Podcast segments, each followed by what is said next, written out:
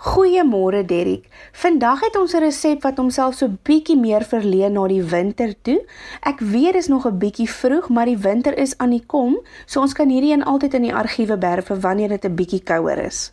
En wat noem ons dit? Vandag maak ons drukkoker varknek met appels en salie. Dis eintlik varknek in 'n in 'n stoompot. Dit is varknek in 'n stoompot, Derek. Op hierdie manier kan jy groter stukke vleis in 'n baie korter tyd gaar maak en op daardie manier bespaar jy water, energie en tyd.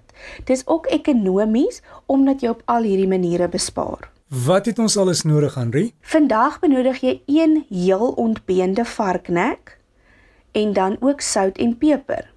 Daarna benodig jy 2 appels in dun skywe gesny 10 vars salieblare, 3 stukke kombuisstou van 40 cm elk, 30 ml olie, 12 klein heel uitjies geskil, 4 knoffelhuisies, 25 ml brandewyn opsioneel en dan ook 500 ml groente of hoender aftreksel. Geen weer vir ons asseblief? Vandag benodig jy een heel ontbeende varknek en dan ook sout en peper.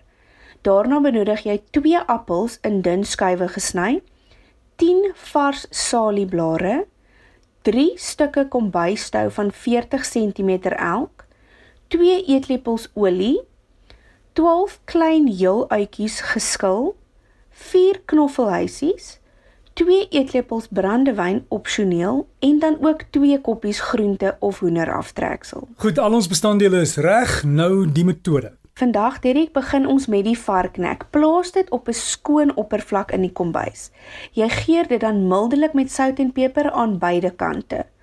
Jy rangskik dan die appels bo op die een kant van die nek sodat die hele oppervlak bedek is. Strooi dan die vars salieblare bo-oor. Jy begin dan aan die een kant en rol die varknek op sonder om die appelskywe uit te skuif. Jy bind dan die rol stewig vas met die tou aan beide kante as ook in die middel.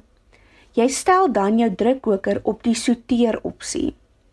Voeg die olie in die drukkoker en sodra die olie warm is, braai die varknek tot bruin aan alle kante. Jy verwyder dan die varknek uit die drukkoker. Mhm. Plaas die uitjies en knoffel onder in die drukkoker en plaas die varknek bo-op. Jy voeg dan ook nou die brandewyn by. Jy maak nou die drukkoker volgens instruksies toe en kook op 'n hoë druk vir ongeveer 90 minute.